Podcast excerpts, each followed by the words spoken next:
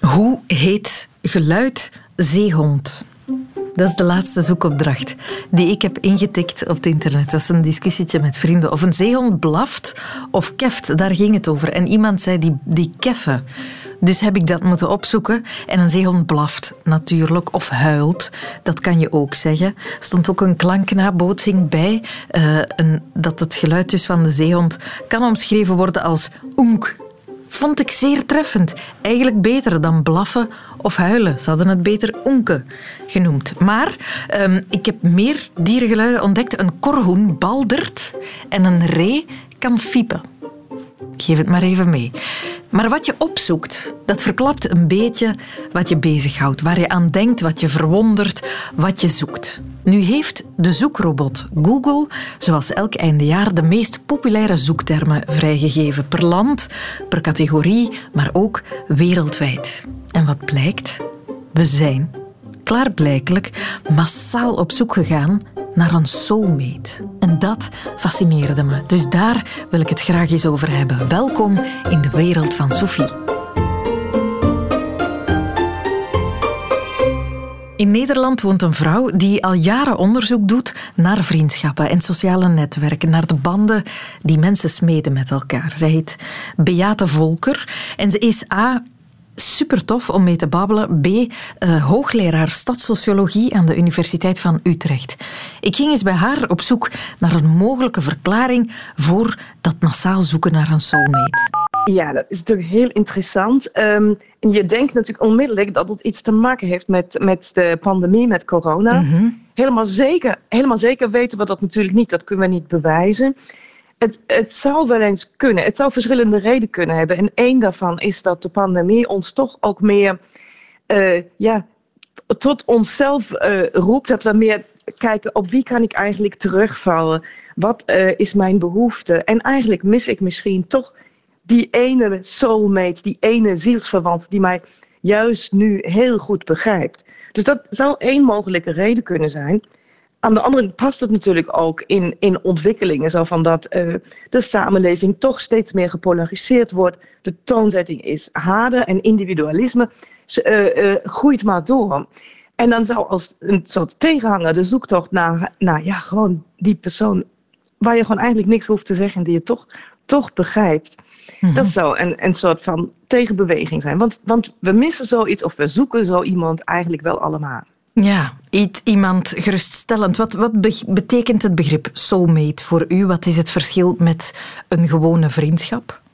Nou ja, het is een, een uh, nou, allereerst is het een, uh, een term of een soort relatie die niet uh, gebonden is aan de categorieën die, die we normaal gebruiken. Dus een soulmate, dat kan een, een naam zijn voor een partner. Hè? Dus hele goede partnerrelaties zien zich soms als soulmates. Je kunt het binnen een familie hebben of binnen vrienden. Dus het is niet uitsluitend een vriend of uitsluitend een liefdesrelatie. Het, kan, het zit daar eigenlijk, gaat het daar dwars doorheen. Dat maakt het al best wel interessant. Ja. Ook, voor, ook voor wetenschap eigenlijk wel. Hè? Ja, ja, ja. En, en wat het is, nou ja, het is, is dat idee dat iemand eigenlijk voelt wat jij voelt. Dat je iemand aankijkt en je weet wat hij wilde zeggen. Of dat diegene iets zegt en je zegt, nou potverdikkie, dat, wil, dat, zijn mijn, dat is mijn tekst. dus dat zijn, dat, dat zijn allemaal indicaties voor, voor soulmate, voor zielsverwantschap. Ja. ja. in die term zit ergens dat je connecteert op zielsniveau, in je diepste zijn. Nog voor je dingen moet gaan ja, uitleggen, is... heb je het al begrepen. Ja, precies. En, en het idee is natuurlijk ook, het komt eigenlijk, idee komt natuurlijk ook een beetje uit de mythologie dat we ooit uh, heel waren. En zo een ander, dat we ooit zo lichamelijk verbonden waren met een ander. En door een conflict met de Griekse god Zeus zijn we eigenlijk in tweeën ges, uh, uh, gespleten. En we lopen nu rond en zoeken die ene. Dus dat is een van de, een van de gedachten daarachter die ook echt duidelijk maakt, het is een hele diepe verbinding, een hele diepe connectie. Ja. En ook een zeldzame connectie, zo lijkt, als je eens rondvraagt, ik heb het even gedaan, in een groep van zo'n acht mensen, was er maar één iemand die zei een soulmate te hebben. Het lijkt ja. alsof je ja, heel veel geluk moet hebben om op je soulmate te botsen. Ja, en nu kom ik op de kritische kanttekeningen die ik wil maken bij, bij dat hele mm -hmm. idee van soulmate. Uh, dit gaat natuurlijk niet vanzelf.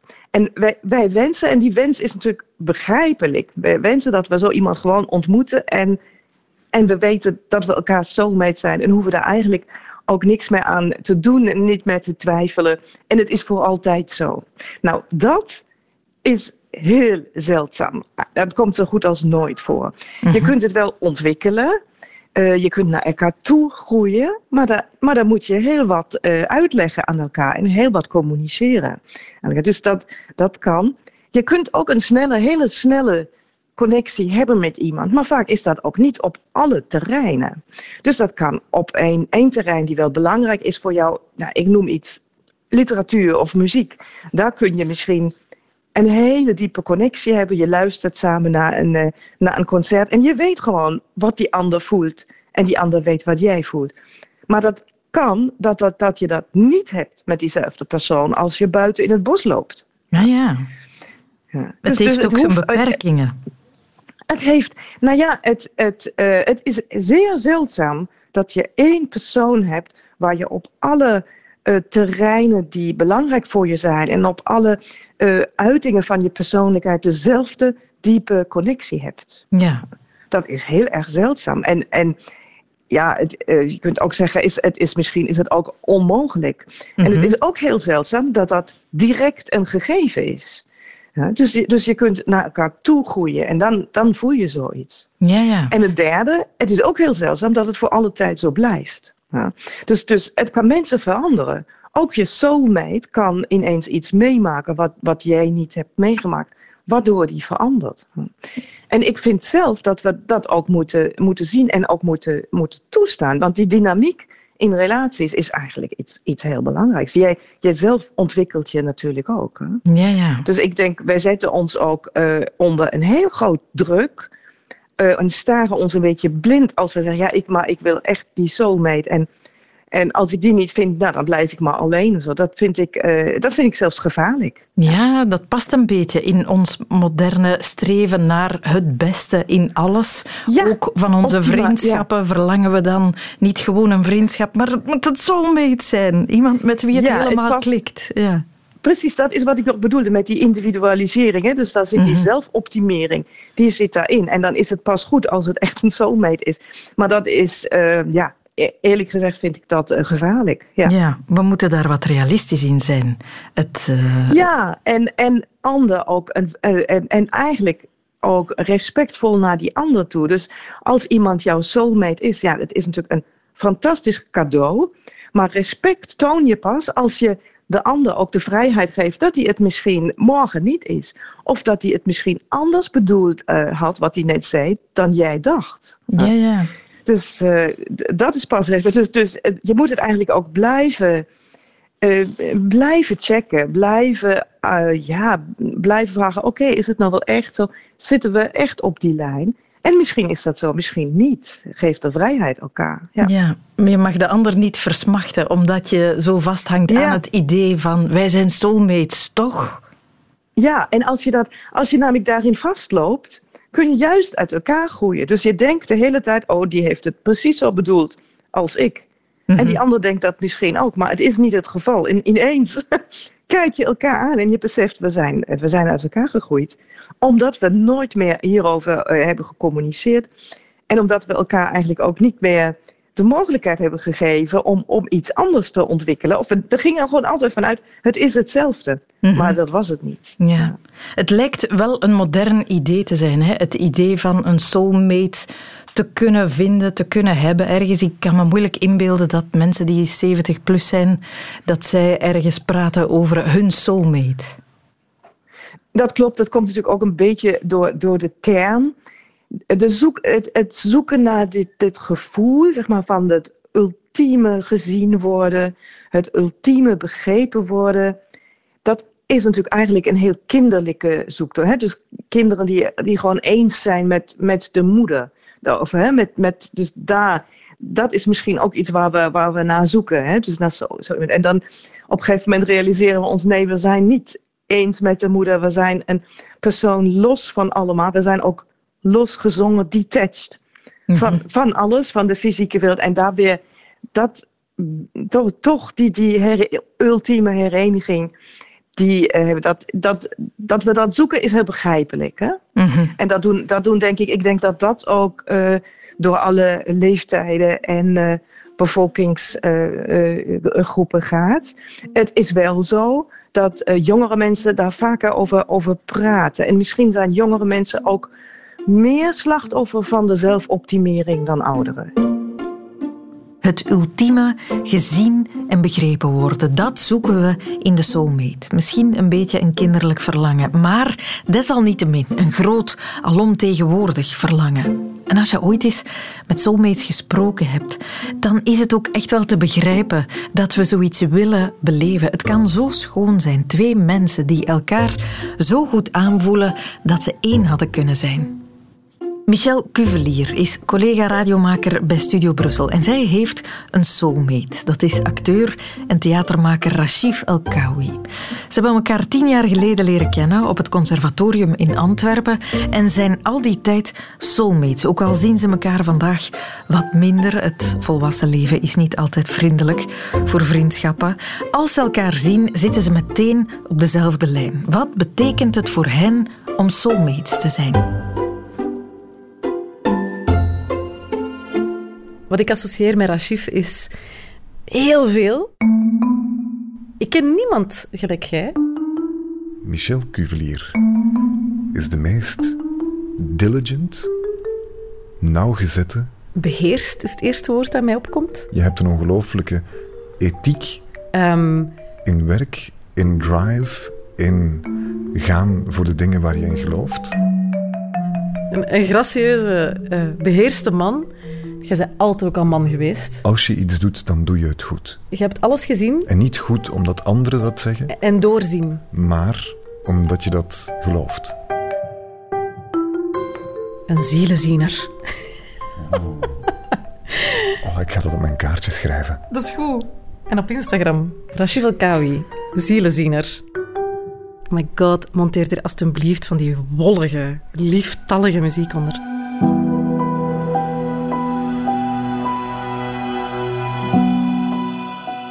We hebben elkaar leren kennen op het Conservatorium van Antwerpen in woordkunst als groene eerstejaars. Ik nog groener dan jij, denk ik. Ik was 18, jij was 22. En, en ik, uh, ik weet niet meer wat het eerste was wat we tegen elkaar hebben gezegd. Weet jij dat nog? Nee, ik heb geen idee meer wat het eerste was. Ik weet wel dat wij ongelooflijk goed klikten. Ja. Ja. Direct. So, I get you. Mhm. Mhm. And what I don't get, it's still okay. ja, exact. Rashif is mijn soulmate omdat hij aanvoelt als de oudere, matuurdere versie van mezelf. Altijd al. Dat verschil slijt ook niet met de jaren, helaas. Het is niet dat ik ooit uh, zijn graad van wijsheid um, bereik. Um, nee, die, die is... Um, ik weet het niet. Ik voel mij zo op mijn gemak bij hem. Dat is direct ook... We hebben elkaar nu een jaar, een half jaar niet gezien, niet gehoord. We zitten hier vijf minuten en dat is, je kunt precies terug inpikken alsof het gisteren was dat we elkaar nog hebben gezien. Het is niet dat je je enkel verbonden kan voelen met iemand die op u lijkt. Het is ook die verschillen die het, die het bevorderen. Het is die, het evenwicht tussen gelijkenis en verschil. Want als je het dan zo formuleert, als, in, als er alleen herkenning is, ja, dan, dan, word je, dan word je een soulmate met jezelf. Of dan zoek je in de ander iets van jezelf. Maar dat is het ook niet. Nee, nee. Er ontstaat iets, hè? Toch? Ja. Het is het gevoel van... Het is oké. Een soulmate is iemand waar het oké mee is om te zijn wat je op dat moment bent. In welke hoedanigheid ook.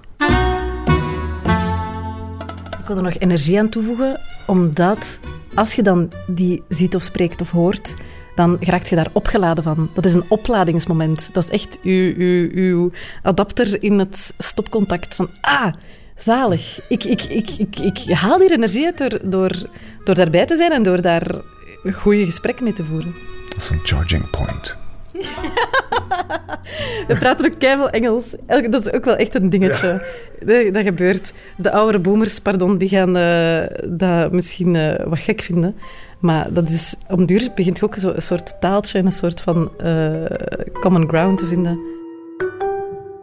Er is een vriend van ons die ooit heeft gezegd dat boven elke man-vrouw vriendschap het spookje zweeft van een uitgestorven verliefdheid.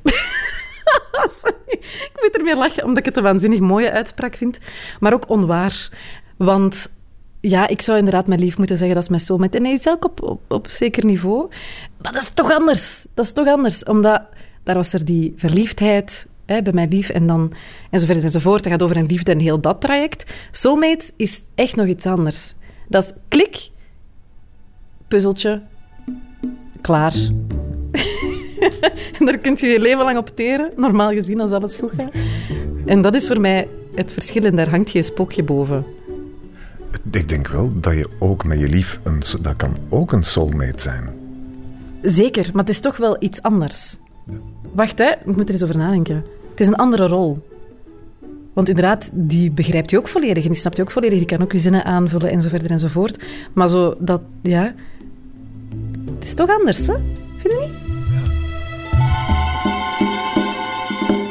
Het is een heel brede, want meestal wordt soulmate gebruikt juist in die romantische term. Ik bekijk het niet uh, bloemblaadjes, maneschijnig. Voor mij is het eerder, dat is een kweet goede maat die het gewoon materige overstijgt. En dat is toch nog iets anders dan een lief. Maar in de, in de uh, roze-rode definitie van wat een soulmate is, ja, dan is uw lief dat, hè. Maar voor mij is het niet roze-rood. Ik denk dat uw lief ook een soulmate is. Het zijn, ik denk dat je meerdere soulmates kan hebben. Ja, ja, ja. Sowieso. Maar het is wel relatief zeldzaam. Dat wel. Het kan, maar het is heel zeldzaam.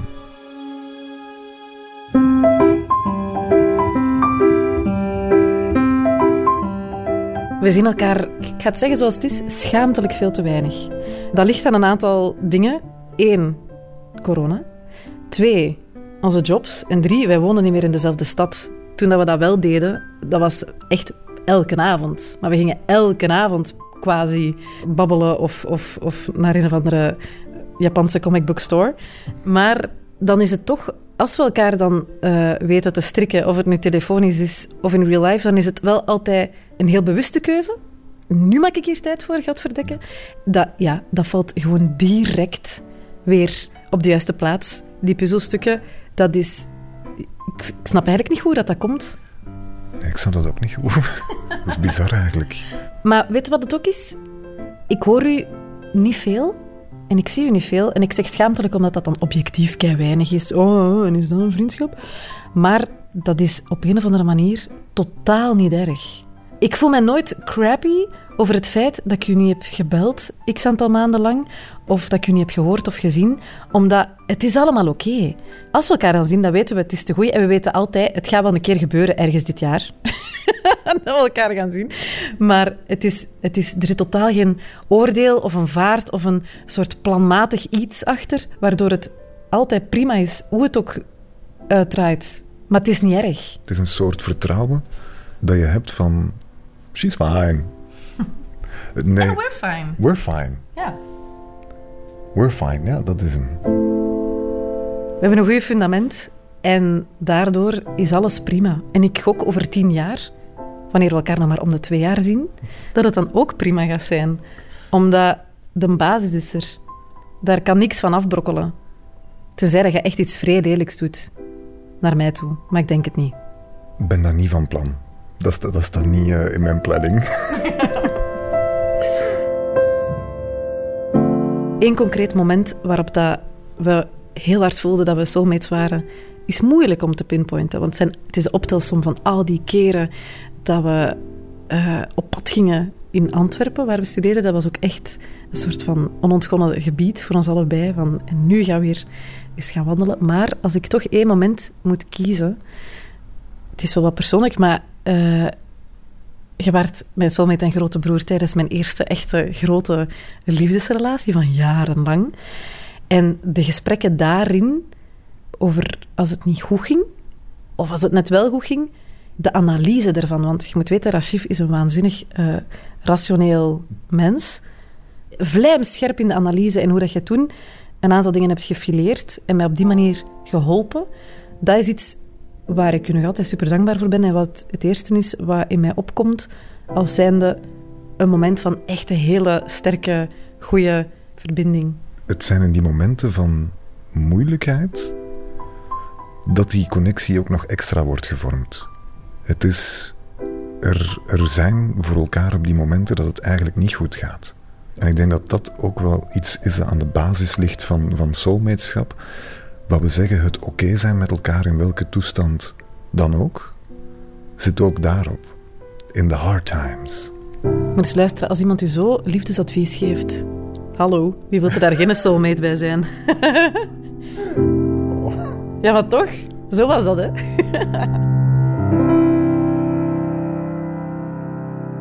dat is niet toch schoon, hè? Om te horen Michel en Rachif, Rachif en Michel. Een reportage was dat van Anke van Meer. Nu weet ik niet wanneer je dit beluistert. Misschien is het intussen al 2022. Misschien al 2023 of 2323. Dat is het ding met podcasts, hè. die leven zo lang. Stel je voor dat deze podcast, dan ben ik nu tegen u aan het praten, maar ik ben eigenlijk al lang dood. En toch vertel ik u over soulmates, alsof ik nu naast u zat. Dat is fantastisch, hè? Dat is een beetje tijdreizen. Wauw. Ik lijk heel dronken nu, maar ik ben het echt niet. Ik ben gewoon heel erg aan het afwijken van wat ik u wilde vertellen. 2021 ehm, dus. Toen konden we nog in toekomstige wijs over het jaar 2022 spreken. En dat zou het jaar van de soulmate worden. Dat vertelde Bart Bogaert mij. Omdat... Omdat in 2022 het exact 200 jaar geleden zal zijn dat dat woord soulmate voor het eerst gebruikt is. Ah ja? In een tekst. En het zal in 2022 ook 250 jaar geleden zijn dat de man aan wie we het woord te danken hebben geboren is. En dat is Samuel Taylor Coleridge, ah, de Britse romantische dichter, um, lake poet, die we misschien nog wereldwijd het, het beste kennen door uh, zijn gedicht Kubla Khan, hè, met dat machtige paladij, uh, paladijs, uh, met dat machtige paleis Xanadu. Uh, je begrijpt de verspreking, ja. Xanadu, het prachtige paleis. ik zeg het nu weer al, paladijs. paleis. Ja, ik vind het een ehm, goed woord. het is, het is wel een goed woord. Hè? Ja, het heeft iets tussen paradijs, paleis en pladijs. Het is prachtig. Voilà, laten we het lanceren als woordkandidaat, woord van het jaar 2021, nog snel. Uh, maar dus Xanadu, een gedicht uh, naar eigen zeggen, uh, volgens Coleridge, dat hij geschreven heeft in een soort opiumroes. Hè. Maar het woord soulmate, dat gebruikt hij in 1822, op zijn vijftigste, in een brief aan een tot op vandaag onbekende jonge vrouw. En hij schrijft in die brief aan die onbekende jonge vrouw, hij schrijft, en ik citeer, To be happy in marriage life, ongelukkig te zijn in het huwelijkse leven, en dan onderbreekt hij zichzelf, schrijft hij, nee, puntje, puntje, puntje, in order not to, not to be miserable, you must have a soulmate as well as a housemate or a yoke mate. Dus zegt hij, in het huwelijkse leven of toekoer om niet helemaal ellendig te worden, heb je een soulmate, een zielsverwant nodig, maar evengoed een huisgenoot of een jukgenoot. Laten we het maar letterlijk vertalen. Dus niet zozeer iemand, een man of een vrouw, maar een persoon wiens karakter en gevoeligheden passen bij die van jezelf, die helpt om het juk dat het leven is te dragen. Jukgenoot vind ik eigenlijk wel, het klinkt wat raar, maar wel goed uitgedrukt. Dat is nu al het tweede woord dat ik hier uh, lanceer. Um, maar goed, de, de man spreekt op dat moment, Coleridge spreekt op dat moment uit persoonlijke ervaring. Hij is in 1794, toen hij pas 22 was, zeer jonge leeftijd, getrouwd, een beetje eh, eerder uit sociale verplichtingen dan uit grote, allesverterende liefde. Getrouwd eigenlijk met de verkeerde vrouw. Zeer ongelukkig huwelijk is dat geweest, dat uiteindelijk ook op de klippen gelopen is. En hij weet dus hoe belangrijk het is om zo'n zielsgenoot, zo'n jukgenoot aan je zijde te hebben in het leven. En hij bedenkt daar dus dat woord soulmate voor. Nu, dat woorden bedenken voor ingewikkelde concepten, dat lijkt wel een beetje een hobby van Samuel Taylor, Taylor Coleridge. Er staan meer dan 50 woorden en begrippen in de Oxford English Dictionary. Uh, die toegeschreven worden, die teruggeleid kunnen worden naar die Samuel Taylor ah, Coleridge. En daar zitten een aantal woorden in die wij vandaag zeer banaal vinden. Woorden als bipolair, bipolar, een aandoening waar hij trouwens zelf aan geleden zou hebben, volgens velen. Uh, biseksueel, al bedoelde hij daarmee niet de seksuele aantrekkingskracht die we daar nu onder begrijpen. Had het eerder over de twee seksen bevattend, hermafrodiet. Dat bedoelde hij met biseksueel. Maar ook woorden als psychosomatisch, egoïstisch, fenomenaal, realisme, egoïstisch en zelfs een theaterbegrip als suspension of disbelief. Dat zijn allemaal woorden die Samuel Taylor Coleridge als eerste gebruikt heeft. Een beetje de Shakespeare van zijn tijd.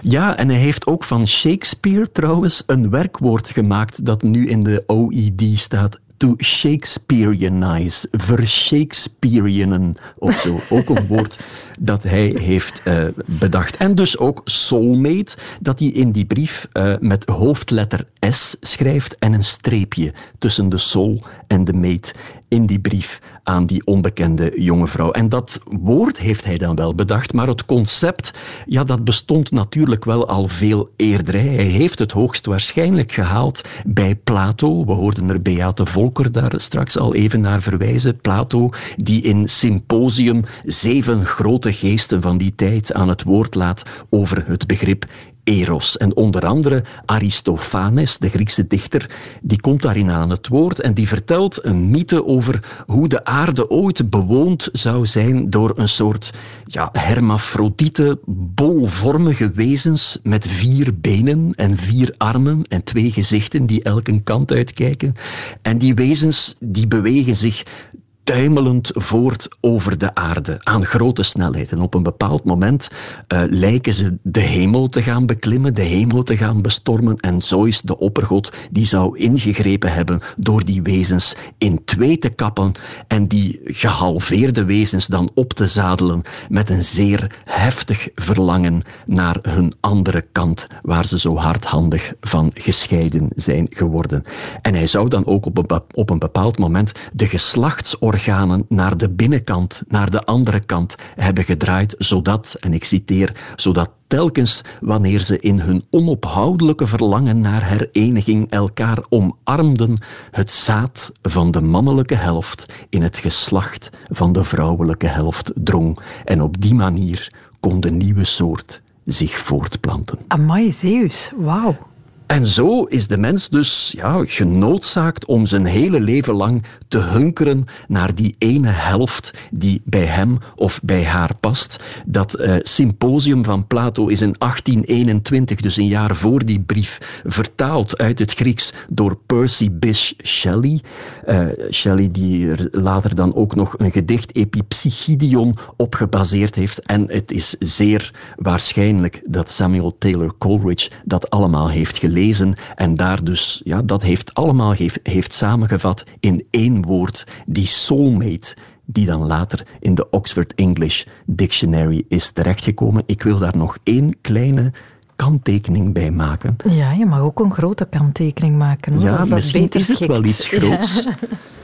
Weet je wat de naam is van de allereerste uitgever van de Oxford English Dictionary, dat boek waarin 50 woorden van Samuel Taylor Coleridge staan? Nee. Herbie Coleridge, de ah, kleinzoon van Samuel Taylor Coleridge. En ah. nu wil ik weten of het een verband houdt met het ander. Maar goed, dat is een andere discussie. Ik vind dat een zeer terechte kanttekening. En ik onthoud het woord jukgenoot. Het is misschien wel het tweede mooiste om naar te streven. Als je je soulmate dan niet kan vinden, dan is een jukgenoot ook al prachtig om te hebben. Maar dus, Coleridge ging ervan uit, dat hoorden we, dat je voor een gelukkig huwelijksleven maar beter getrouwd kan zijn met je soulmate. Relatieadvies uit de 19e eeuw, maar dat idee leeft zeker vandaag ook nog. Maar moet het ook echt? Moet je lief je zielsverwant zijn als je samen een gelukkig leven tegemoet wil gaan? Dat vroeg ik aan de relatie-experte Rika Ponet. Nu, het woord moeten vind ik altijd ehm, eh, een moeilijke. Ik zal dat ook niet in de mond nemen, omdat dat dan mensen die dat dan niet hebben het gevoel geeft dat ze niet goed bezig zijn of dat ze daar iets moeten aan wijzigen. En dat is natuurlijk niet zo. Ehm, het is wel een hele mooie basis en een hele goede basis, denk ik, voor een vervullend huwelijksleven of voor een vervullend relationeel leven. En ehm, ik wens het eigenlijk ook wel iedereen toe van op dat niveau met iemand verbonden te zijn en te mogen en te kunnen samenleven.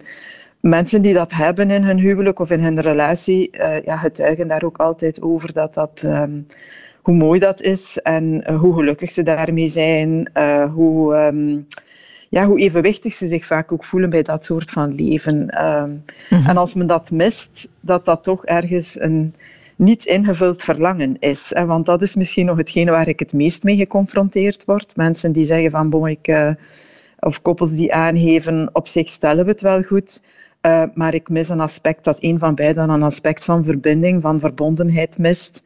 Um, en dat dan effectief ook als, ja, een beetje als problematisch of als moeilijk ervaart. Ja, dat is het nadeel um, als je partner niet je soulmate is, dat er mogelijk verlangens niet ingevuld worden. Maar kan het? Kan je ja. een relatie hebben uh, met iemand die niet je soulmate is? Ja, ik denk dat zeker. Ik denk dat dat voor een grote groep mensen zelfs ook niet altijd haalbaar is van samen te zijn met een soulmate. Klinkt wat vreemd wat ik nu zeg, maar um, voor sommige mensen is dat ook te nabij of te veel uh, of te aanwezig en functioneren beter in een huwelijk of in een relatie waar er net wat meer afstand of wat minder van dat soort verbinding is. Niet iedereen uh, streeft dat ook op hetzelfde niveau na, want daar gaat dat ook over. Ik denk dat dat voor elk van ons ook een andere definitie heeft. Hè. Wat is mijn soulmate of wat is voor mij een ideale soulmate? Dat zal er helemaal anders uitzien voor mij als dat, dat voor jou het geval is. Dus um, ook daarmee hang, hangt het samen. Um, wat ik uh, vandaag, ja, er wordt dan al eens gezegd, verwachten we dan niet te veel, hè, dat dat allemaal bij één persoon moet zitten. Uh, de soulmate en de minnaar of de goede minnares, uh, de mama, de papa van onze kinderen. Uh, een leven lang, ook seksueel moet dat dan allemaal mm-hmm. goed blijven werken. Um, en dan antwoord ik daar altijd op. Ik denk niet dat we te veel verwachten van liefde of van, of van dat concept soulmate. Maar ehm, wat ik wel vind, dat is dat we vandaag, als we samen zijn met iemand, dat we dat ook afsluiten. Uh, we zien een relatie vandaag vaak als een, bijna als een soort van kooi. De andere moet er zijn voor ons, enkel en alleen voor ons. Um, en dat moet dan die totale invulling met zich meebrengen. En dat is inderdaad veel verwacht. Um, maar het probleem is vooral dat we ons daardoor ook niet meer mogen of kunnen openstellen voor wat er aan andere verbindingen in ons leven mogelijk is. En dat we dat te weinig valideren. Je kan een soort van soulmateschap ook met een goede vriendin hebben als vrouw of als man met een man. Uh, en ondertussen ook nog een liefdesrelatie hebben daarnaast. En dat klinkt dan zo alsof we ja, die behoeftes op verschillende um, adressen gaan invullen. Zo is dat niet. Maar ik denk dat we in de loop van ons leven veel mensen tegenkomen en elkaar soms te weinig ruimte geven binnen een relatie om, um, om die dingen ook breder en anders uh, te beleven en dat ook te mogen toelaten, dat te mogen beleven. Ja. Um, ja. We hoorden in het vorige uur uh, Michelle Cuvelier uh, met haar soulmate, die niet haar vaste partner is. Daar moet je wel ja. een sterke, stabiele relatie voor hebben om dat niet als bedreigend te gaan uh, aanschouwen. Zo iemand met wie je diepste gedachten gaat ja. delen. Inderdaad, en het, het, is natuurlijk ook, je merkt vandaag, veel mensen um, ja, hebben dan toch heel hard angst voor, voor verlating. Hè? Dat de andere, als die bepaalde dingen of een stuk van zichzelf deelt met iemand anders, dat die dan de deur uit is of dat je die dan kwijt bent. Um, ik vind dat een vrij infantiele manier van naar een relatie te kijken. En nogmaals, alsof die andere uh, uw bezit is hè, of u, u exclusief toebehoort. Um, we zien eigenlijk telkens weer, ook in, in therapie zie ik dat heel vaak, dat net als je die andere wat meer ruimte, wat meer uh, mogelijkheid biedt om ook buiten je vaste relatie met andere mensen verbonden te zijn, dat zo iemand zich dan vaak evenwichtiger voelt, meer vervuld en ook liefdevoller naar jou toe kan zijn. Dus um, ja, het is door het net openzetten van die dingen um, ja, dat je je beter voelt, um, uh, liever gezien en dat je zelf ook meer liefde kan geven. Dat klinkt zo heel wollig en dwaas, maar ik heb dat telkens opnieuw ervaren. Hoe meer je dat inperkt, hoe meer je de anderen inperkt, hoe gefrustreerder mensen raken. En uh, verwachten dat één persoon alles invult voor jou een leven lang, dat is gewoon veel te hoog gegrepen. En nogmaals, dat is een, een zeer infantiele, bijna moeder-kind benadering van wat liefde is. Um, Terwijl op volwassen leeftijd is er zoveel meer mogelijk dan dit. Ja. En kan je bijvoorbeeld zelf je behoeftes gaan bijeensprokkelen? Kan je zeggen, met, met jou beleef ik dit, met jou beleef ik dat? Ja, dat klinkt dan alsof dat, dat zo gekozen wordt. Hè. Dat is zo wat de definitie die men dan geeft aan polyamorie. Hè. We, en dat vind ik dan een te enge definitie. Dat, dat, dat, dat, dat komt en dat gaat. Dat is niet zoiets wat je rationeel beslist. Je wordt verliefd op iemand, je, hebt daar een, een, je bouwt daar een vast leven mee uit. Uh, onderweg kan je iemand nieuw leren kennen, die een goede vriend of vriendin wordt. Um, die je ook graag ziet. Dat doet geen afbreuk aan dat eerste verhaal. Daar gaat het over. Mogen we ons wat ontvankelijker, wat opener opstellen in het leven voor alle mensen die op ons pad komen en kunnen we daar op die manier invulling aan geven. En dat staat wat haaks op het idee van de romantische liefde vandaag. Je ziet, mm -hmm. ik zag onlangs uh, iets verschijnen, uh, twee heel bekende Amerikanen, maar ik, ik kan nu niet direct op de naam komen. En hij, had, hij wordt door enorm veel mensen gevolgd op Instagram.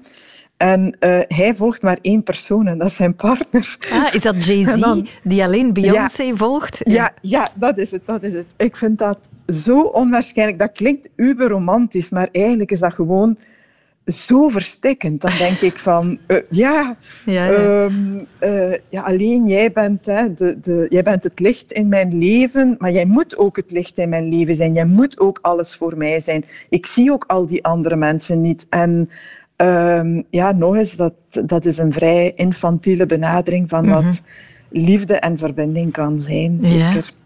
Ik wil iets laten horen. Het is iets anders van polyamorie. Uh, daar had je het net over. Iets helemaal anders dat ik dit jaar zag passeren is een filmpje uh, dat viraal ging op TikTok. Het is van een Amerikaanse jonge vrouw die net beslist heeft om samen te gaan wonen met haar soulmate. En zij pleit mm -hmm. om dit soort platonische liefdes meer te normaliseren. My best friend is my soulmate. She's my platonic love of my life. She's who I choose to do life with. And after five fucking years of long distance, we finally manifested a way for her to move to LA to be with me. Now that it's happening, all of our friends and family are like, Are y'all fucking crazy? I get it. It's a big ass gesture to move across the world to be with somebody else. But what I think is funny is that we would not be questioned as much about this if we were lovers. We've been friends for 11 years. That's longer than most couples have been together at our age. And we see a life together. We want to buy a house together. We want to start a retirement fund together. We might even adopt a child together and raise it as friends. I don't know who needs to hear this, but if marriage is not for you and you want to start a life with your best friend, fucking do it. I don't think that our love and commitment for each other should pale in comparison to romantic love. Thank you. Thank you. Het is uh, massaal gedeeld geweest. Ja. Ze kreeg ook best wel wat bijval. Zou het een nieuw soort relatie kunnen worden? Samenwonen met je soulmate, maar ook echt samen een pensioenplan hebben. Misschien zelfs kinderen. Ja. Um, ja, het toont aan dat de, de diversiteit vandaag, uh, wat relaties betreft, heel groot is. Ook omdat we de vrijheid hebben om op die manier ons relationeel leven vorm te geven. Maar uh, ja, die dingen bestonden vroeger ook. Hè. Uh, ik heb twee tantes die een leven lang samengeleefd hebben en niet gehuwd geweest zijn. Dat was misschien niet altijd een volledige vrije keuze, maar toch um, ook een heel goed leven samen gehad hebben. Um, dat ligt ook in het verlengde wat we vandaag als openheid hebben naar holibierrelaties, waarin er ook kinderen komen.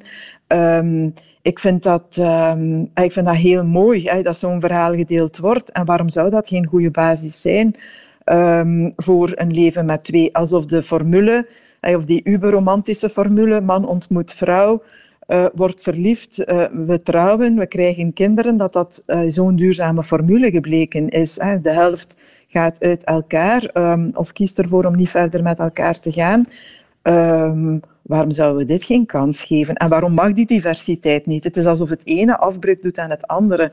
Um, vind ik altijd zo, um, zo spijtig. Mhm. We hebben vandaag de vrijheid om ja, om daarin onze keuzes te maken zoals het voor ons goed aanvoelt, kunnen we alsjeblieft die, die diversiteit ook valideren en omarmen. Uh, tot op vandaag is het precies of er ja, één absoluut ideaal is en dat is nog altijd dat, dat klassieke koppel en al de rest ja, weet je, zo'n eh, een tweede soort formule is, omdat we niet beter kunnen. Ik vind dat een heel triestige kijk op wat liefde kan zijn, of op wat relaties kunnen zijn. En in die zin vind ik dit een prachtig voorbeeld. Mm. Ja.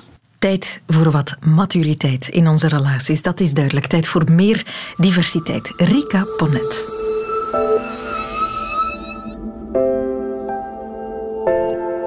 Was de wereld van Sophie over Soulmates, de laatste van dit jaar. Tenzij u natuurlijk luistert in april van 2368. Dat kan dus allemaal. Hè? Dan gaat wat ik nu ga zeggen raar aanvoelen, maar ik ga het toch doen. Ik wens u een zeer gezellige kerst, een plezant einde van het jaar en nu al het allerbeste voor 2022. In januari volgen weer nieuwe podcasts en dan zijn we er ook weer elke weekdag tussen 10 uur en 12 uur op Radio 1. Heel graag tot gauw. Dit was een podcast van Radio 1. Ontdek nog meer podcasts van Radio 1 in onze app en op radio1.be. Radio 1. Altijd benieuwd.